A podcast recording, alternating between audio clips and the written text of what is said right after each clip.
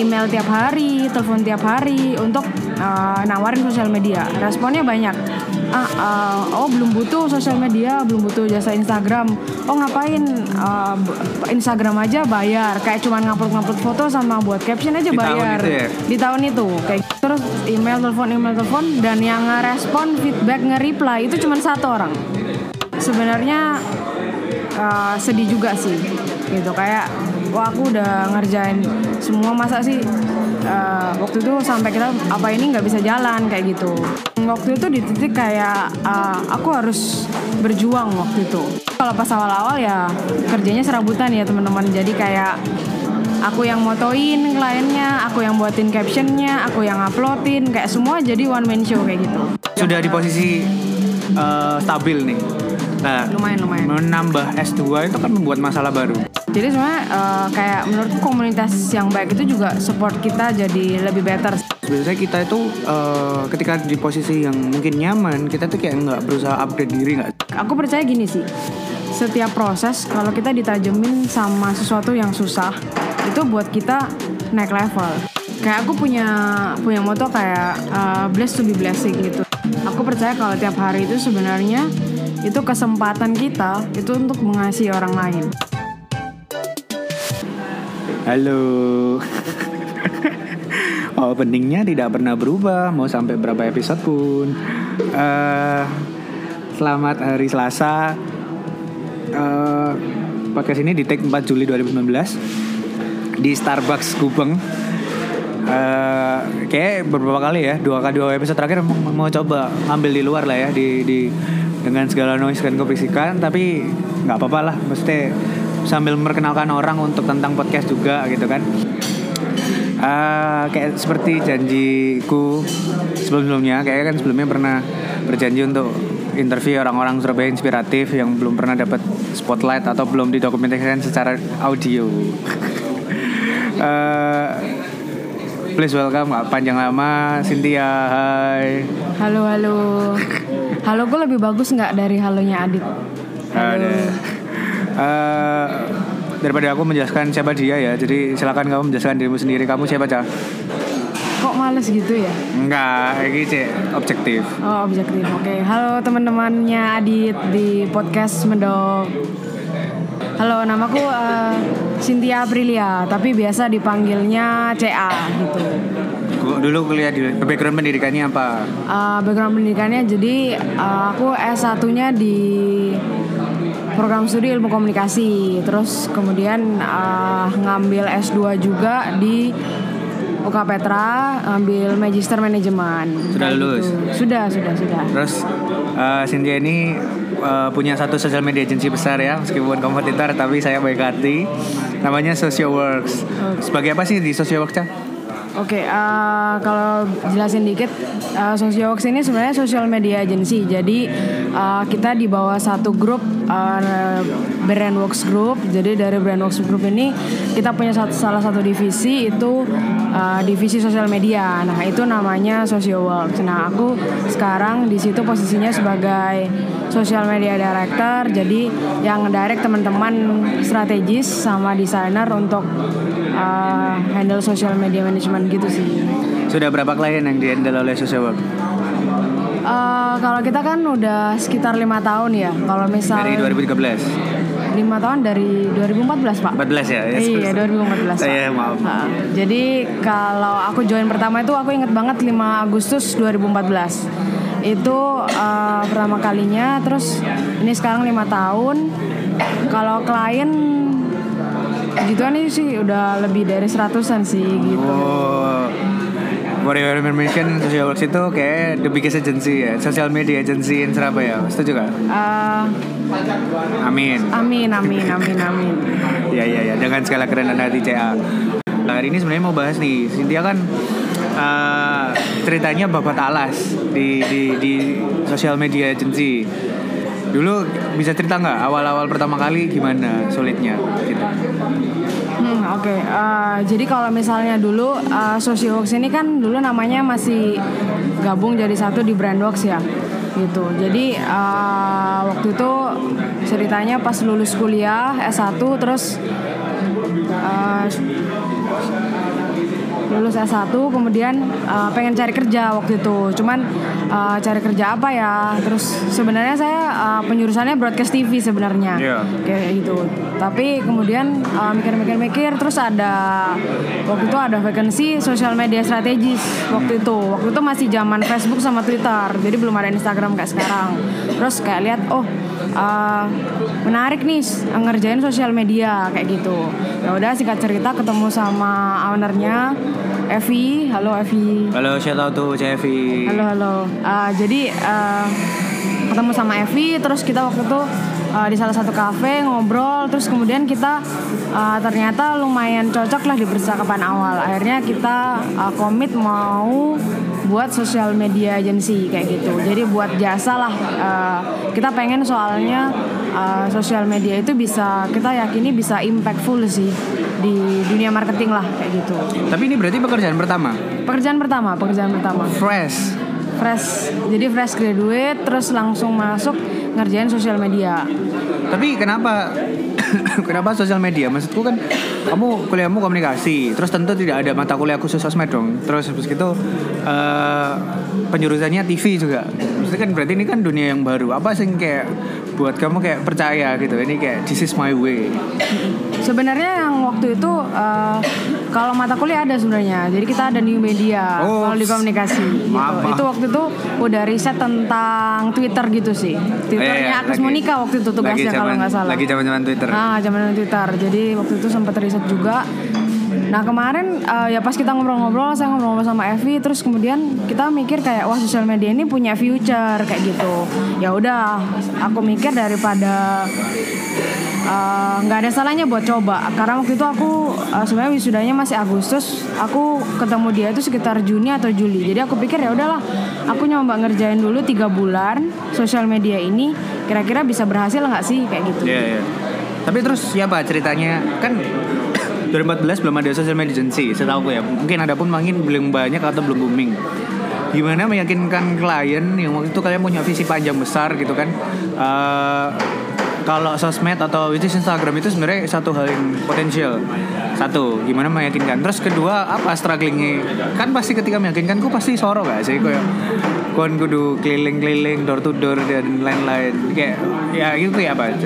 Hmm, jadi kalau pas pertama udah join terus kemudian ngerjain kan Eh, susah banget jadi waktu itu eh, kita baru ada satu klien lah waktu itu jadi punya satu klien toko baby gitu terus eh, kemudian aku waktu itu tugas awalnya marketingin nih gimana cara jualan sosmednya. Waktu itu eh, jualan Facebook Twitter sama Instagram lah. Waktu itu masih baru banget. Nah, nah terus pas nyoba eh, sorry jalan sorry. Yang dijual waktu itu Instagram dan Facebook. eh, Facebook? Instagram Twitter juga. Oh, Oke oke oke. Terus. gitu. Terus uh, pas kita nyoba jalan uh, kita buat jadi waktu itu jalan pertamanya strategi kita kita mau kirim kayak uh, satu perlengkapan marketing tools gitulah. Kita punya box box box box gitu marketing isinya paket-paket kita apa service kita apa klien kita apa. Terus uh, kita coba kirim ke perusahaan-perusahaan atau misalnya bisnis-bisnis. Tapi sebelumnya itu kita uh, telepon-telepon dulu. Nah waktu itu kita em, kayaknya punya hampir 500 list lah. 500 list yang waktu itu aku tiap awal-awal kerja itu email tiap hari telepon tiap hari untuk eh, nawarin sosial media. Responnya banyak. Ah eh, oh belum butuh sosial media belum butuh jasa Instagram. Oh ngapain? B- Instagram aja bayar. Kayak cuman ngupload-ngupload foto sama buat caption aja Di tahun bayar. itu ya? di tahun itu kayak gitu. Kalau sedikit bocoran itu cuman padahal bayar sejuta. Kalau sekarang kayaknya udah duh, duh, duh. jadi Terus? gitu. Um, jadi uh, sangat susah sih untuk mengedukasi. Edukasi sih yang, yang proses paling susah. Pas awal itu mengedukasi karena kita bisnis istilahnya jasa baru. Jadi gimana caranya kita mengedukasi orang-orang uh, kalau social media management itu perlu sebenarnya gitu. Uh, for information, social media management itu jadi kayak kita sebagai agensi membantu mengaturkan Instagram klien. Which is bisa personal, bisa juga brand. Tapi kebanyakan brand-brand produk-produk atau jasa gitu. Terus kita provide untuk administrasi, upload tiap hari, foto, desain dan sebagainya. Intinya kayak owner sudah terima jadilah. Baik dari planning sampai report. Jadi kalau misalnya teman-teman lihat kayak sekarang oh cafe A misalnya, oh Instagramnya bagus nih, fotonya bagus, captionnya keren, IG IG story-nya bagus. Itu siapa yang ngerjain? Nah itu ada agensi-agensi di belakang layar sebenarnya yang juga ngerjain itu. Jadi mimin-mimin dalam tanda kutip. ya? Ah, jadi admin-admin atau strategic thinker lah di belakang gitu. Oke, terus lanjut. Terus apa? Pernah nggak dapet respon terjelek kayak eh, waktu menawarkan itu? Atau pernah ketemu? Atau dia kayak bilang kalimat yang nggak oke atau gitu? Paling jelek adalah yang tadi aku cerita kalau misalnya aku email hampir 500 lebih lah 500an kayaknya lebih sih Dalam berapa orang waktu lama itu email? kayaknya sebulanan ya nggak Oke. sampai kayak dua minggu sebulan terus email telepon email telepon dan yang ngerespon feedback nge-reply itu cuma satu orang satu saja Oke. jadi eh, itu sebenarnya eh, sedih juga sih gitu. Kayak wah aku udah ngerjain semua masa sih eh, waktu itu sampai kita apa ini nggak bisa jalan kayak gitu. Terus ternyata ada satu yang reply. Nah, waktu itu mindsetnya ya udah satu ini berarti eh, harapan lah istilahnya. Iya, iya. harapan awal pecah telur lah Iya, istilahnya gitu kan. Ya udah jadi waktu itu nemuin eh, bersyukurnya itu responnya positif sih gitu. Terus yang kalau pengalaman yang lain yang unik mungkin aku pernah keliling Galaxy Mall uh, ke setiap uh, store di Galaxy Mall itu bagi-bagi brosur gitu. Jadi waktu itu saking udah bingung gimana ya caranya wah kayaknya nggak bisa nih kalau by email sama by telepon. Ya udah berarti harus door to door. Jadi Berarti offline. offline offline banget gitu. Padahal jualan sesuatu yang online. Tapi karena kita namanya mau berjuang untuk mengedukasi ya udah. Akhirnya waktu itu nyoba salah satu aku bilang Vi aku lupa si Evi atau aku yang bilang kayak coba deh kita ke waktu itu aku bilang ke Galaxy Mall aja. Jadi Galaxy Mall semua tuh store-store-nya aku datengin cari uh, store manajernya. Kalau nggak ada ya udah aku titipin mbaknya. Itu ada kartu namanya sama brosurku. Ya udah aku coba kayak gitu. Tanya dong responnya kira-kira apa? Respon- responnya sudah keliling gitu responnya Responnya apa? gimana responnya? responnya nggak ada juga nggak ada juga ternyata. Nggak ada. Jadi kayak ya sekarang gampang ya, maksudnya kita jualan itu sebenarnya kayak agensi sebenarnya tinggal dicari aja atau biasanya kita bisa DM Instagram, ya kan. Terus tapi apa yang apa sih mau rasa no pas kayak offline jualan offline malu apa kayak sungkan apa lapus sih aku iki? Atau ya apa? Hmm, waktu itu di titik kayak uh, aku harus berjuang waktu itu. Jadi kayak kalau misalnya mungkin karena proses ya. Jadi aku kalau basically aku anak luar pulau jadi dari Sulawesi terus belajar uh, di Surabaya sekolah dari SMP kayak gitu. Jadi kayak dari kecil juga udah diusah udah diajarin buat berjuang. Jadi pas waktu itu lulus kuliah masuk dunia kerja aku tahu kalau dunia kerja itu bukan sesuatu yang mudah. Jadi apa pun itu ya aku harus berjuang dan di pikiranku ini bisa berhasil nih di pikiran kami ya. Aku dan Evi waktu itu mikir ini bisa berhasil ya udah aku berjuang. Apa pun yang hambatan ya kita harus ber- eh, harus berusaha cari celahnya gimana supaya eh, bisnis ini bisa jalan kayak gitu. Jadi itu berarti yang membuat kamu kayak tetap percaya untuk kayak ya this is my way gitu. Terus apa sih akhirnya memantapkan diri? Oh iki iki iki emang jalanku. Atau gara-gara tadi klien satu orang tadi atau kayak mungkin setelah itu ternyata responnya positif. Atau setelah satu klien itu apakah muncul klien-klien yang lain dalam waktu dekat atau ternyata ada agak lama lagi dapat klien Hmm, jadi waktu itu kayak dalam habis satu itu ternyata syukurnya orang satu ini dia punya tiga bisnis gitu. Oh, jadi, jadi punya tiga tiga. bisnis makanan. Jadi waktu itu wah ya udah deh langsung dapat tiga nih istilahnya bukan dapat satu kayak gitu. Jadi eh, kalau boleh sebut Suteki Sushi. Ya, kalau halo, Ko Julius. Halo Ko Julius mungkin nanti bisa dengerin juga. Jadi kayak eh, dia juga salah satu klien yang sebenarnya kita punya satu baby shop yang aku cerita tadi dan ini yang kedua tapi yang ini yang bener-bener aku cari sendiri gitu. Maksudnya secara aku sendiri yang pencapaianku lah pertama pencapaiannya itu Suteki Sushi Group kayak gitu. Jadi kayak eh, sangat menyenangkan waktu itu punya punya tiga bisnis dan ya udah langsung dikerjain pas jalan bentar terus ternyata dia punya teman temennya mau cari sosmed juga direkomen lah waktu itu Iya. jadi kalau misalnya sikatnya uh, awal-awalnya itu kebanyakan dari rekomendasi sih jadi karena hasilnya kita lumayan uh, bukan lumayan lah ya oke lah kayak gitu terus mereka responnya positif suka dia rek- rekomen ke teman-temannya akhirnya dari situ jalan word of mouth lah itu uh, kita di dari situ sih Terus eh, setelah itu lancar-lancar aja. Akhirnya eh, klien growing tumbuh. Atau ada ada problem lain nggak setelah jalan akhirnya? Nah, uh, pas jalan yang berikutnya ada challenge lagi sebenarnya. Jadi challenge yang berikutnya itu adalah uh, soal kelemahanku sebenarnya. Jadi aku tuh lemah di Inggrisku tidak bagus. Jadi aku tidak bagus dalam berbahasa Inggris. Tapi kenyataannya waktu itu klien minta untuk captionnya atau uh, deskripsi fotonya itu dalam bahasa Inggris. Nah muncullah uh, masalah kayak gitu. Terus uh, waktu itu jadi kalau pas awal-awal ya kerjanya serabutan ya teman-teman. Jadi kayak aku yang motoin kliennya, aku yang buatin captionnya, aku yang uploadin, kayak semua jadi one man show kayak gitu. Ah. Jadi kayak uh, kalau teman-teman buat bisnis mungkin baru kalau masih baru ya pasti harus one man show. Jadi kayak kita memang uh, harus bisa semuanya dulu, harus be- bisa belajar semua. Paling nggak basic-basicnya harus bisa dulu. Jadi nggak nggak boleh hanya ah ya udah aku cuman bisanya foto, yang lainnya aku hire tim deh besar-besar. Uh, nah belum tentu teman-teman juga harus menguasai sebenarnya segala bidang itu. Jadi mulai dari captionnya, fotonya dan sebagainya. Dan waktu itu prosesku belajar waktu itu itu sih. Terus bahasa Inggris nggak bisa. Waktu itu lumayan depresi juga sih. Waduh gimana ya. Cuman waktu itu dari Evi bilang kayak ya udah uh, kita coba aja hire tim aja buat buat caption Inggris dan waktu itu ada uh, satu Pamela, halo Pamela. Kalau Pak yang sekarang buat Yang agency sekali juga? buat sekarang juga punya social media agency.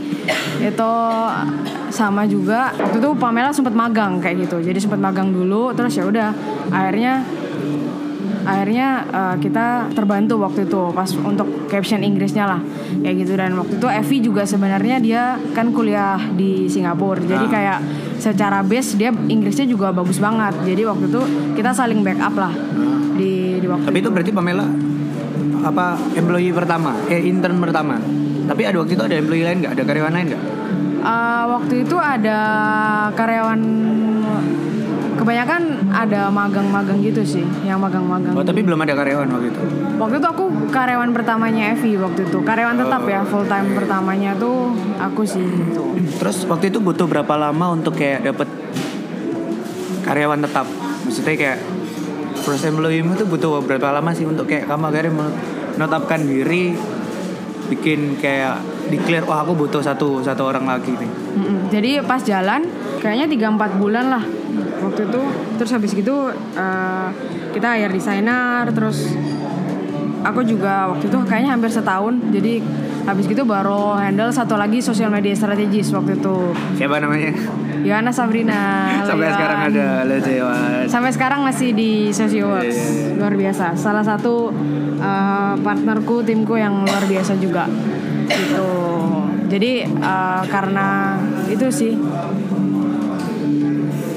Terus apa? Kira-kira kayak capeknya atau mungkin atau pernah kayak di titik eh, terendah nggak? Kayak eh, ketika jalan kan berarti kan ini sudah jalan ya, lima tahun ya? Di lima tahun udah jalan ini pernah kayak ngalami titik terendah nggak sih? Kayak atau pengen give up kayak wes enggak lah nggak usah lah kesel lagi gitu. pernah nggak? Ada ada di posisiku nggak Hmm, kalau misalnya di posisi itu pasti sometimes ada lah kayak rasa rasa capek, rasa apa kayak gitu. Cuman uh, sebenarnya mau balik yang di awal dulu jadi uh, apa namanya? Aku waktu itu sempat minder juga sama Evi sebenarnya. Jadi kalau awal-awal itu dia kan lulusan luar negeri. Dia lulusan nah aku Singapura. Singapura lagi gitu kan. Terus aku pinter. Pintar lagi. Halo bos. Promosi terus. Apa namanya eh, sedangkan aku ini cuma S1 doang gitu.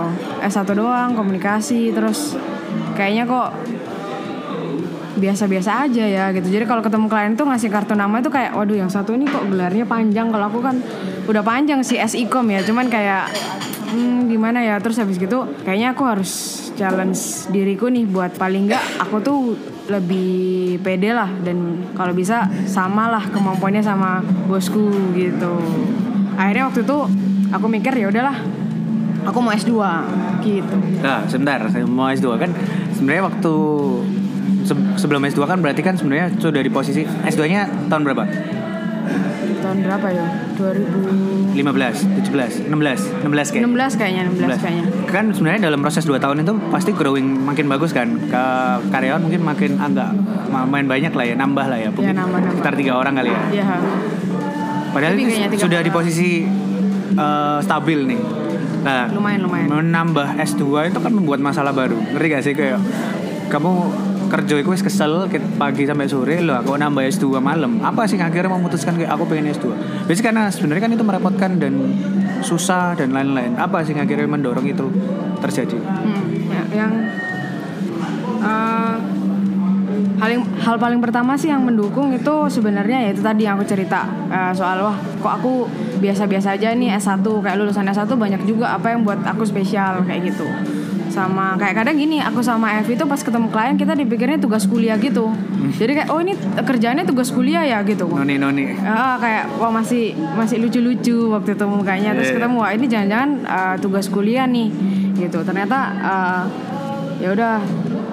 Uh, kita mau meyakinkan kalau kita meskipun muda orang bisa percaya sama kita kayak gitu ya udah aku pikir waktu itu sebenarnya ribet juga jadi karena S2-nya itu Senin sampai Jumat dan itu malam jadi kalau after kerja Start jam 7. startnya jam 7 nah Pulang kebetulan kerja jam 6. pulang kerja jam 5 jam 6 lah kayak gitu. Kalau banyak lemburnya ya jam jam 6 kayak gitu. Jadi kayak eh, S2 itu sebenarnya susah banget. Apalagi kalau misalnya jadi rumah aku di daerah timur nih. Kantorku di di barat. Nah, aku rencana kuliah di UKPTL di selatan. Jadi kayak aku setiap hari harus membelah Surabaya, kayak gitu. Terus kayak Nah tadi tapi kan belum cerita Ke- kayak Kok apa maksudnya milih? kesel, kesel kesel gak maksudnya kayak kuliah S2 maksudnya apa ya maksudnya kamu kan kesel pol terus terus apa sih sebenarnya kayak memantapkan diri S2 itu apa Eh, alasan kuatnya apa sih sebenarnya Jadi sebenarnya eh, kayak menurutku komunitas yang baik itu juga support kita jadi lebih better sih. Waktu itu eh, salah satu sahabatku eh, Amalia Pranata, halo Mal. Hari ini banyak menyapa teman-teman. Jadi eh, dia waktu itu ngambilin aku formulir. Jadi formulirnya MM Kapeter tuh diambilin sama dia. Ini nih Cah, apa namanya aku ambil formulirnya. Jadi kayak aku merasa wah ini kayaknya memang udah jalanku nih buat nyoba juga. Ya udahlah nating tulus kayak ya udah aku ya aku ya aku tuh waktu tuh mikir gini aku punya waktu setiap hari itu harus aku maksimalkan. Jadi aku nggak nggak biasain kalau hari itu nggak produktif. Jadi aku pikir ya udahlah daripada malam aku nggak jelas ya toh kegiatannya lebih baik uh, aku uh, maksimalkan. Salah satu cara maksimalnya ya udah aku S2 kayak gitu. Dan itu sih Oke, nah uh, pas aku mutusin buat ambil S2, ya udah uh, mulai deh. Uh, kalau pas singkat ceritanya kalau pas awal-awal ya udah aku waktu itu ngambil magister manajemen ya, terus waktu itu penjurusannya marketing. Uh, nah kalau misalnya aku aku biasain kalau aku menjalani sesuatu itu kalau bisa uh, selain misalnya aku studi tapi aku sekalian juga bisa bermanfaat buat kerjaku juga. Jadi kayak aku nggak cuma ngambil studi yang sembarangan kayak gitu. Walaupun memang sebenarnya kalau aku butuhnya gelarnya aja sebenarnya. Kalau cerita yang kemarin ya kayak aku butuhnya di kartu namaku nambah aja sih kayak gitu. Tapi aku pikir ya udah aku udah jalanin ini, aku tetap pilih ya gimana supaya maksimal. Ya udah aku ngambil marketing. Aku ambil marketing dan waktu itu aku pikir karena aku berhubungan sama sosial media.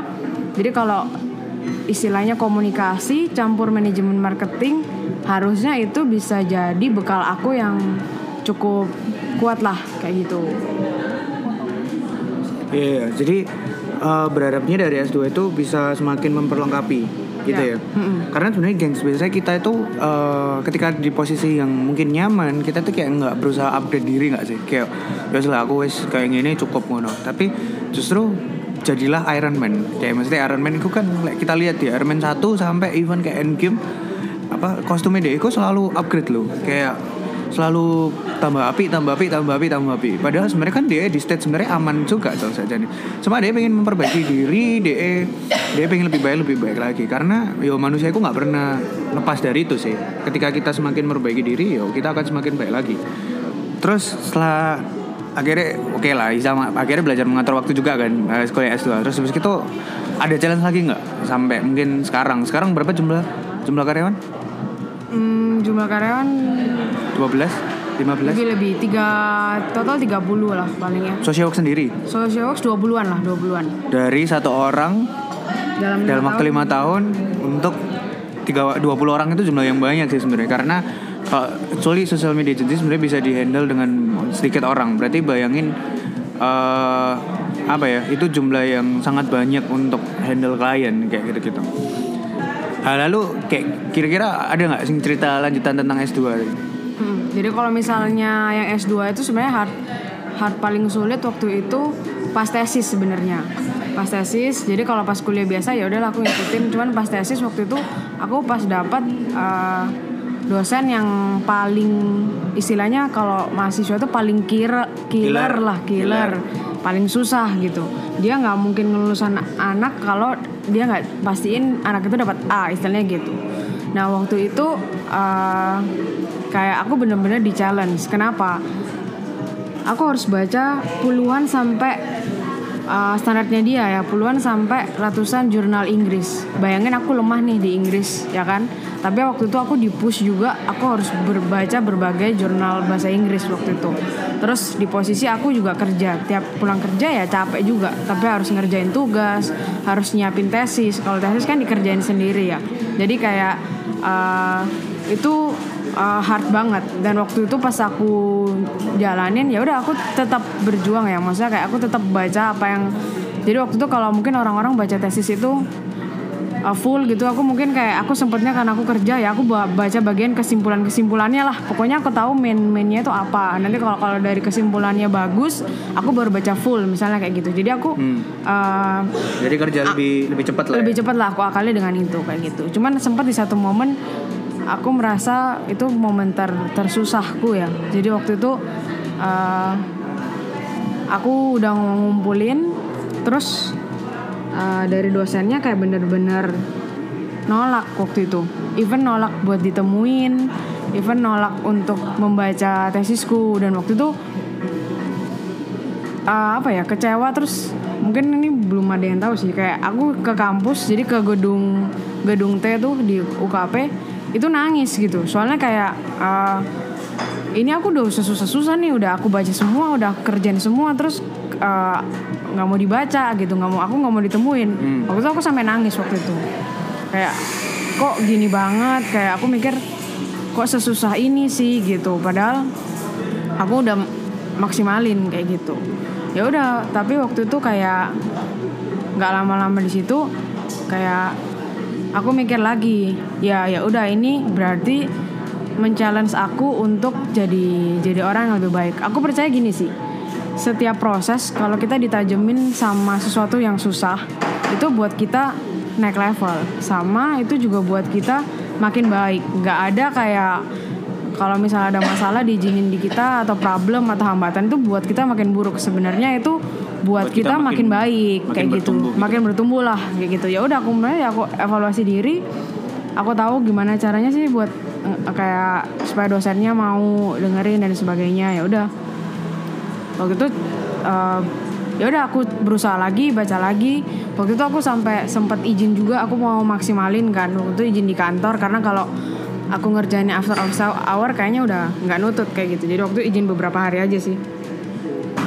Buat ngebut dan segala macam dan waktu itu aku ada aku denger satu lagu lah. Aku eh, judulnya Nothing is Impossible waktu itu. Jadi kayak aku percaya kalau sejauh ini aku selalu eh, disertai dan harus selalu selalu bisa gitu loh melewati masalah. Jadi aku merasa soal tesis ini soal S2 itu bukan sesuatu yang impossible buat aku selesaikan. Ya udah jadi aku pikir ya udah aku jalanin dan syukurnya sekarang uh, aku di sini dan ya Cynthia punya SIKOM dan Magister Management kayak gitu sih. Eh, sebenarnya juga ini sebenarnya mengingatkan aku tentang itu sih living large apa yang dibilang si Karel. Kan kadang kayak kita ketika eh, hidup itu kan kayak mendaki gunung ya. Ya ada banyak gunung yang harus didaki makin tinggi makin tinggi makin tinggi. Tapi ketika kita di posisi bawah ketika kita struggling kita kayak nggak pernah ngerti bahwa apa yang kita perjuangkan itu worth it gitu. Karena kita berada di posisi di bawah. Bawah dalam artian masih kita dalam tahap berjuang gitu. Tapi ketika kita berjuang, kita naik one step, one step, one step. Kayak jalan pelan, jalan kecil, jalan angka kecil, kecil, kecil. tambah lama tambah besar tambah tinggi tambah tinggi. Ketika kita di posisi di atas kita tuh akan melihat kayak keindahannya. Ngerti gak sih? Pas kita naik gunung kan ya gitu ya. Kayak pas kita berada di posisi terpuncak kita baru ngerti bahwa oh ketika kita di posisi teratas di atas bukan teratas di atas perjuangan kita itu kita melihat bahwa ada keindahan yang proses yang kita jalani gitu. makanya dalam dalam segala hal kita sebenarnya harus lebih menitik beratkan pada proses. Karena ketika kita menitik beratkan pada proses kita akan menghargai kita menikmati dan kita akan percaya gitu bahwa proses itu ada bagian yang indah yang yang udah disiapin buat kita. Terus sekarang nih sebagai social media agency ya yang terbesar lah ya. Eh, ada Noah tapi Amin, ada amin. social work juga. Nggak mau kalah Noahnya Eh, apa sih kamu rasakan sekarang? Setelah berjuang lima tahun nih. Meskipun ya sekarang masih berjuang juga sih tapi apa sih? Kebanggaan atau kebahagiaan apa sih sing perasaan bahagia gimana sih sing kamu rasakan sekarang?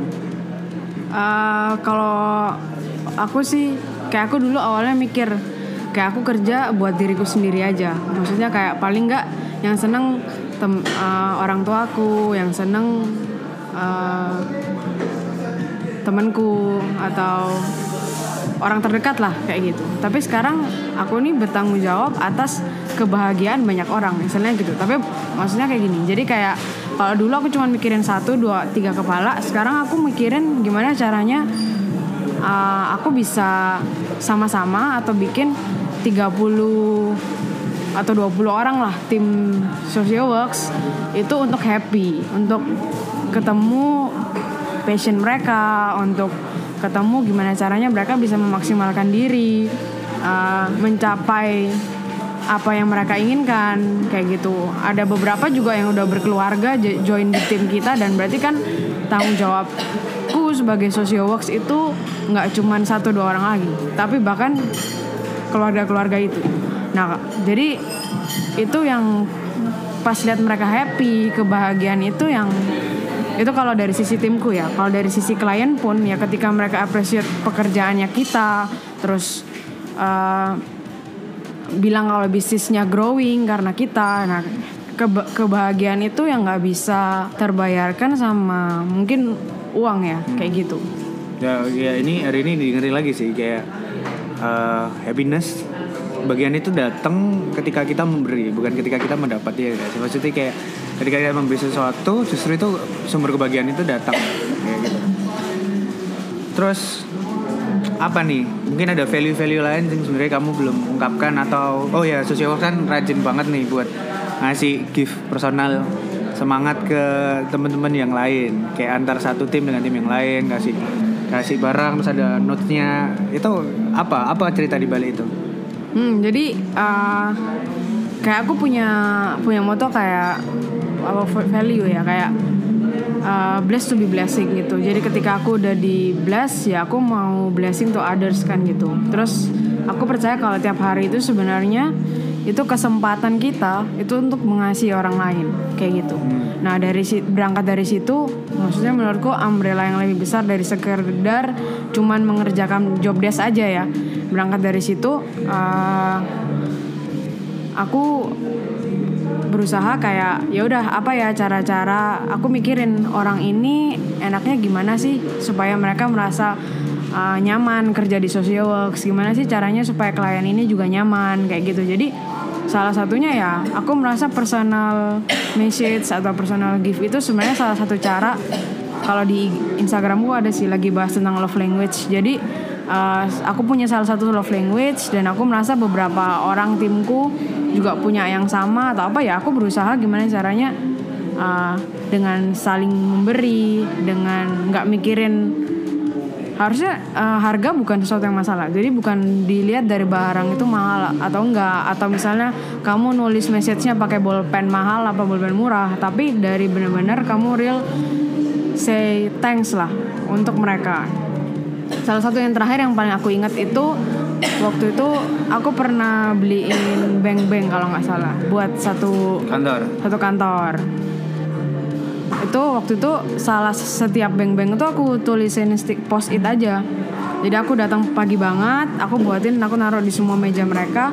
Aku just say thank you for misalnya uh, thank you for Dea thank you for uh, timku Adita thank you for, thank you for Tania desainerku. Jadi aku personally ngerasa apa ya aku say thank you buat kehadiran mereka. Terus aku juga ngasih semangat. Jadi kadang seorang leader itu dia nggak boleh lupa kalau dia memimpin sekumpulan orang manusia. Jadi bukan alat yang atau robot yang dikerjakan atau mesin yang lagi sedang bekerja. Tapi mereka human yang harus Di perlu di appreciate, diapresiasi dikasihi. dikasihi diberi support yang bisa capek juga. Jadi yang capek nggak cuman kita tapi tim kita juga bisa capek. Jadi dengan itu aku dengan hal sederhana menurutku. Jadi aku coba buat itu dan responnya positif banget. Banyak yang waktu wah ini aku aslinya hari ini nggak semangat nih tapi aku dapat message semua aku jadi semangat. Nah dari kayak gitu tuh happy-nya itu nggak nggak bisa dijelaskan. nggak bisa dijelaskan. Happy banget kayak Iya, gitu. iya, iya. happy banget. Just say thank you but happy banget. Sebenarnya karena personal gift itu eh, memberikan satu pesan sih sebenarnya. Kayak aku ber, aku mikirin tentang kamu loh dan ada effort yang hadiah yang tidak bisa dikembalikan lagi adalah waktu. Untuk membuat personal gift itu ada waktu yang dicurahkan. Jadi sebenarnya itu hal yang luar biasa. Terakhir nih mau tanya tentang sekarang kan kayaknya sudah sah disebut dengan sebagai content creator counter counter Content creator itu maksudnya sekarang kan mulai rajin nih buat instastory. Ada yang judulnya sekarang berbagi ala CA. Terus ada yang kemarin apa tujuh hari sharing. Nah, apa sih cerita di balik itu Eh, berbagi ala CA, tujuh hari sharing dan lain-lain. Instagramnya dong oh tapi Instagramku aku private sih tapi nggak apa-apa lah ya. jadi eh, Instagramku c underscore Cynthia Cynthianya tuh karena ya Cynthia pasaran ya namanya tapi aku percaya papa mamaku tuh memberikan Enggak sih nama nggak pasaran Cynthia CHIN. Oke oke, tapi Biasanya aku percaya Kak-. Oke, aku percaya kayak kalau nama itu punya arti lah. Jadi C H I N T I A, C A underscore C H I N T I A itu Instagramku. Terus ya waktu itu aku mikir kayak gimana ya? Aku punya Instagram, istilahnya aku punya satu media dan itu punya followers juga. Jadi mungkin dari followers itu ada juga online shop dan sebagainya, tapi aku percaya ada orang yang mendengarkan atau melihat postinganku tiap hari. Nah, aku mikir sebenarnya media ini bisa aku pakai untuk sebenarnya aku cerita sesuatu kayak gitu. Jadi nggak cuman dipakai buat stalker stalking orang atau aku pakai buat aku belajar sendiri atau aku bela Buat nyinyir. buat nyinyir kayak gitu. Jadi aku pikir ya udahlah gimana ya caranya kayak se sesedikit mungkin eh dengan nggak sedikit juga sih lumayan susah juga sih cuman kayak aku mau coba lah kayak berbagi kayak gitu karena menurutku berbagi tuh nggak pernah ada negatifnya menurutku sih berbagi apa pun. Jadi kamu berbagi informasi kalau se- selain hoax lah ya. Kalau misalnya sesuatu yang positif mau berbagi makanan ya kan? Apa namanya eh, kirim semangat berbagi semangat itu semua yang namanya berbagi itu menyenangkan dan buat orang happy. Jadi nggak ada salahnya buat berbagi ya. Nah, itu makanya aku pikir aku mau mulai dengan berbagi ala CA itu kayak gitu. Dan sebelumnya pas ya itu yang sebelumnya di postingan IG aku pernah ada tujuh hari bersyukur kan kayak gitu. Tujuh hari bersyukur jadi tiap waktu itu tiap hari aku nyari tiga poin aku bersyukur untuk apa sih hari ini. Ya udah aku cerita cerita cerita yang serial mungkin kayak gitu. Apa ya even dapat eh, dapat apa dapat klien baru atau apa ya udah aku bersyukur. Dapat teman sahabat-sahabatku apa aku bersyukur. Jadi kayak itu melatih aku buat buat nggak lupa sih. Jadi kalau pas aku flashback lagi aku lihat wah ini loh aku udah bersyukur de- dengan banyak hal. Nah itu aku diingetin kalau aku berarti nggak boleh sedih kalau aku uh, ketemu masalah. Karena sebenarnya banyak hal yang udah buat aku bersyukur kayak gitu. Terus yang berbagi ala Cia ini sejauh ini juga Uh, walaupun masih ada beberapa topik yang pengen aku share sih. Cuman kayak so far banyak yang istilahnya terinspirasi lah kayak gitu. Banyak yang DM kayak saya thank you. Kayak ada yang bilang oh aku nungguin nih ceh. Cece cerita apa lagi malam ini? Kayak gitu. Terus banyak terutama sih banyak yang bilang mereka terbantu sih. Jadi apa yang mereka nggak tahu jadi mereka jadi tahu. Apa yang mereka anggap biasa tapi akhirnya jadi bisa oh ini ternyata penting ya gitu. Karena aku menurutku gini kadang orang itu bukan dia nggak mau ya tapi dia nggak tahu. Jadi ya udahlah tugasku aku coba kasih tahu dulu. Hopefully dia mau dan bisa mulai berbagi juga ke yang lain gitu sih. Oke, Eh, sebenarnya kalau mau di summary hari ini sebenarnya yang pertama kita belajar tentang pentingnya punya jiwa pejuang bahwa sebenarnya ketika kita punya ide dan kita percaya bahwa itu sebenarnya ide yang baik sebenarnya itu harus diperjuangkan. Meskipun kadang mungkin situasi kondisi atau mungkin orang lain belum tahu atau belum percaya tentang ide kita nggak apa-apa yang nggak masalah. Yang penting kayak kamu harus percaya aja bahwa itu itu ide yang bagus dan bisa harus diterapkan kedua bahkan ketika kita mungkin sudah berjalan di posisi yang sangat oke stabil begitu kita nggak boleh puas diri gitu. Kayak tadi Ca bilang dia S2 untuk mem- memperlengkapi diri eh, itu ya kita juga harus sama juga. Kita ketika di posisi yang stabil justru kita itu harus makin eh, menantang diri kita untuk jadi lebih baik lagi gitu. Terus yang ketiga tentang apa ya eh, berbagi. Bahwa sebenarnya berbagi itu membuat kita nggak pernah miskin malah. Maksudnya kita itu saat yang sama ketika kita berbagi kita tuh lagi belajar lagi loh. Kita lagi diingatkan lagi.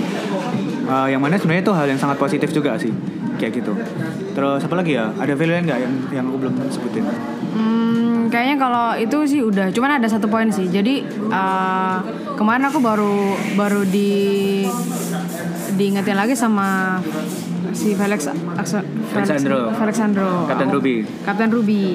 Uh, jadi dia salah satu ya aku banyak belajar juga sih dari dia. Dia punya banyak perspektif dan uh, berbagi juga aku belajar dari dia juga sih. Gimana caranya dia berbagi, dia udah berka belajar berkarya berbagi. Kalau dia hashtagnya itu kalau nggak salah. Jadi kayak aku juga belajar dari situ. Kemarin dia bilang tentang you do you. Jadi itu dari kalau nggak salah quote dari Michael Al- Alinsky. You do you. Jadi kayak uh, kita tuh ya melakukan ya kita gitu. Jadi kayak nggak perlu ikut siapa pun. Kayak kalau misalnya kamu punya caramu sendiri gimana cara kamu ngelakuinnya ya lakuin dengan caramu. Kamu nggak perlu nih niru caranya A B C. Mungkin kamu bisa terinspirasi dari A B C gitu. Tapi kamu harus tahu kelemahan dan ke kelebihanmu apa ya udah. Jadi kamu uh, harus tahu itu. Kamu maksimalkan kelebihanmu terus minimalkan kelemahanmu dan lakuin yang terbaik bahkan lebih dari yang terbaik dari yang kamu bisa. Kayak gitu. Dan kalau buat do sesuatu menurutku Melakukan sesuatu. Melakukan sesuatu itu kita juga penting buat kita harus suka dulu sih. Ketika kita nggak suka atau kita nggak cinta sama apa yang kita kerjakan otomatis kita nggak bisa kasih yang terbaik. Kayak gitu. Jadi apa pun yang kita even aku sekarang ngerjain social works kayak ya because I love social works. Kayak timnya kliennya terus semua yang ada di dalam aku me- mengasihinya kayak gitu. Jadi kayak gimana caranya aku harus memaksimalkan ini kayak gitu. Karena ini kayak apa yang sesuatu yang aku suka atau aku senengin kayak gitu sih. Oke eh, terakhir. Ada kata-kata kalimat yang ingin diucapkan ke tim-tim sosial nggak? Atau ke Brainworks atau anything Eh, kayak say thank you atau apa atau kalimat atau terserah deh. Hmm, jadi eh apa ya? Mungkin Berarti girls power. Girls Power ya. Jadi kayak tim kita memang banyak ceweknya sih. Jadi kayak ada beberapa kali beberapa belakangan ini lah banyak yang komentar kayak wah eh, cewek ini sekarang sering sering ngomel katanya gitu. Sering marah-marah terus kayak sering rewel lah. Requestnya makin banyak kayak gitu. Ngechat sampai subuh-subuh gitu kan. Eh, pagi udah ngechat. Jadi kalau yang jomblo itu kasihan kayak udah nggak dicat sapa-sapa, dicat sama CCA terus kayak gitu kan. Eh, isinya ngomel mungkin kayak gitu, mikirnya kan gitu. Tapi aku ya cuman pengen kalau teman-teman tahu kayak kayak sama yang aku belajar kita nggak bisa move atau naik level kalau kita sebenarnya nggak di push juga.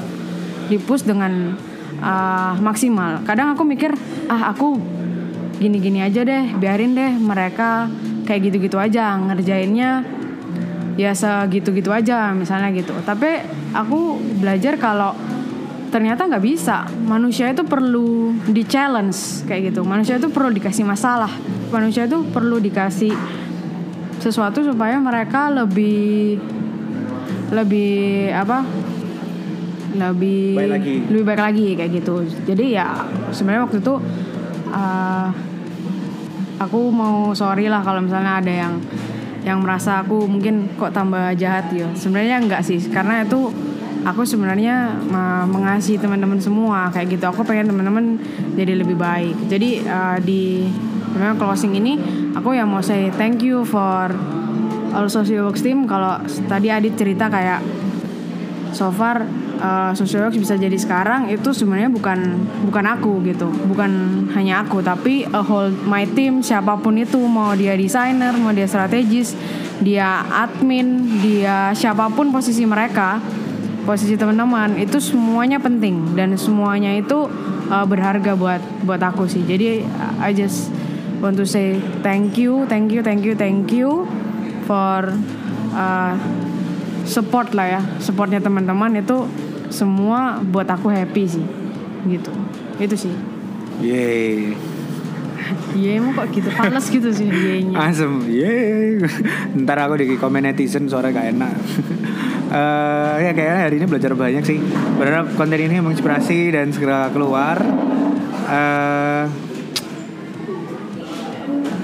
ya kayak aku tiap podcast ini mesti selalu belajar sesuatu sih. Meskipun kadang mungkin ada hal yang aku sudah tahu tapi semakin disegarkan kembali. Ya kembali lagi tadi berbagi itu nggak pernah membuat kita terbatas tapi membuat kita tanpa batas. Oke, itu quote hari ini. Terima kasih. Di mana pak? Segitulah pokoknya. Oh ya oke oke. Berikut siap. jadi terima thank kasih. you thank you. Thank you sudah Thank you. mendengarkan. Tetap berdoa selalu, tetap sebarkan kemerdekaan di seluruh dunia sehingga Surabaya goes to international. Gus- apa gimana? Boleh ya, ya, ya, gitu. pak. Ya, pak. Thank you udah Thank you, have a good thank you day. semua.